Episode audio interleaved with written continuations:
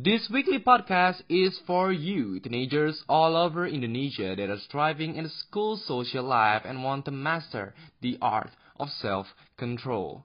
There must be one or two things that we don't like about school, whether it's the annoying classmate or even bad grades.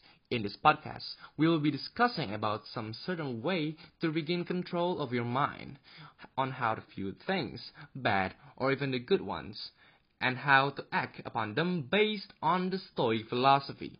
Relax. The Stoic philosophy is not a mind twisting philosophy kind of thing. It's easy to be digested, and we will explain it in the most simple way.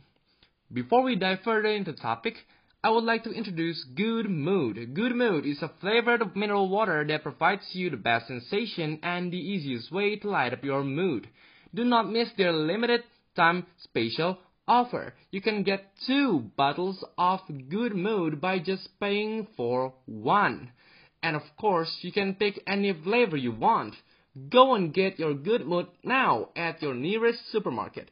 That is all for now. Do not forget to follow us on Spotify to get notified of every news episodes that we released. Until then, see you in the next podcast. Bye bye.